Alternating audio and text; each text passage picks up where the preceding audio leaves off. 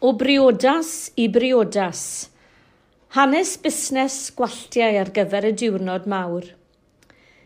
Elin dwi, steilydd gwallt symudol o fychynlleth. Updoos Elin Wyn ydi enw'r busnes. Rydw i'n teithio o amgylch Cymru o'r canolbarth i'r de ac o'r de i'r gogledd i steilio gwalltiau priodas. Ond i ddeud y gwir, does dim dal lle ai erbyn hyn – Dwi wedi bod mor bell a Llundain. Wnes i erioed fy am fod yn steilydd gwallt. Wnaeth o ddim croesi fy meddwl mai dyna beth fi aswn i'n ei wneud, a dweud y gwir.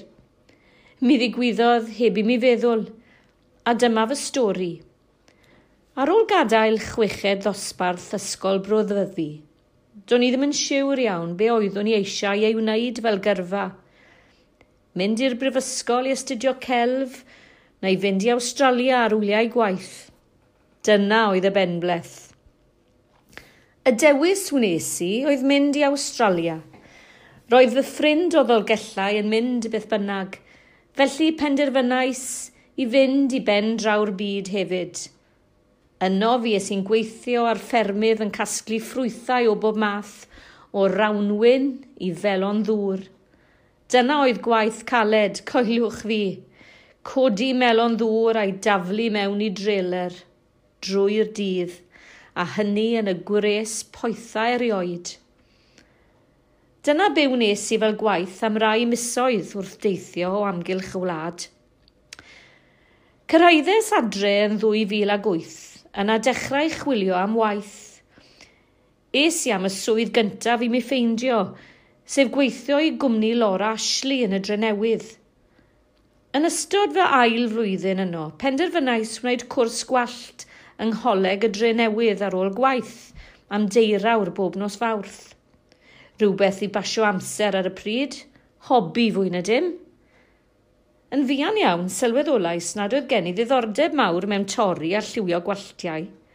Doedd gen i ddim yr hyder a dweud y gwir, a ro'n i'n poeni tawn i'n neud rhywbeth o'i le. Doedd dim llawer o addysg steilio gwalltiau o fewn y cwrs. Dim ond gwneud steiliau syml fel French plat a French roll.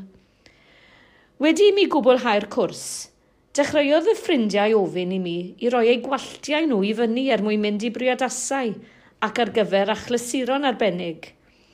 Mi ddechreuais wrth ymarfer am oriau ac oriau ar y ddol mannequin hefo gwallt hir – Yna ar ôl cwblhau gwall llawer o westeion priodas, cefais gais gan ambell briodferch hefyd.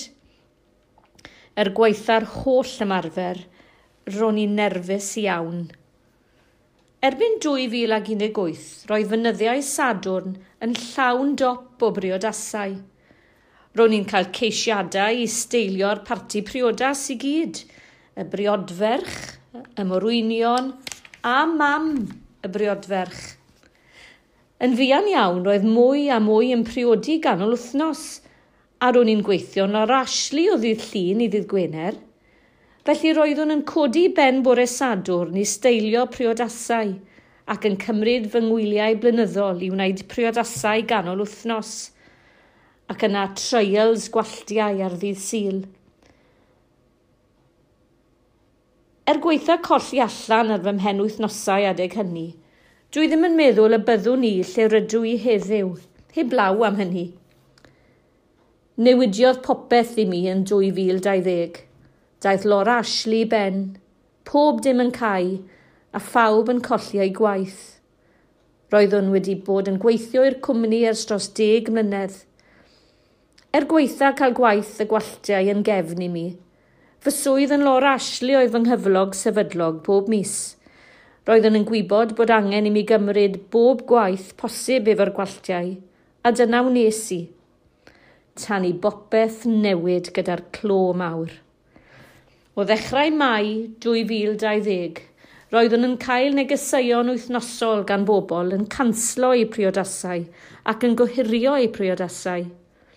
Erbyn diwedd 2020, Dim ond tair priodas roeddwn wedi ei steilio trwy'r flwyddyn.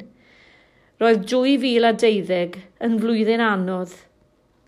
Mi fies yn helpu fy chwaer gyda'i busnes hunan arlwyo, pan oedd em yn cael bod ar agor, ac yn helpu dad ar y ffarm pan oedd angen. Dros wyna 2021, mi fies yn byw mewn carafan ar fferm yn Llanbryn Mair yn wyna i fy mhartner am dri mis. Roedd yn help mawr i'm cadw i'n brysur ac, ac yn gall. Ym mai 2021, daeth y priodasau yn ôl a fy nyddiadur yn prysu'r lenwi unwaith eto. Roedd hwn flat out a'r priodasau wedi dyblu. Roedd priodasau 2020 wedi symud ymlaen flwyddyn a llawer o gyplau wedi dyweddio dros y cyfnod mawr. Roeddwn yn falch iawn o gael mynd ati i weithio unwaith eto. Does dim tymor priodasau erbyn hyn. Fe fyddai wedi tywelu dros y geiaf, ond eleni mae'r geiaf mor brysur ar haf. Roedd priodas ola 2021 ar ragfyr degfed ar ugain. Ymlaen rwan at briodasau 2022.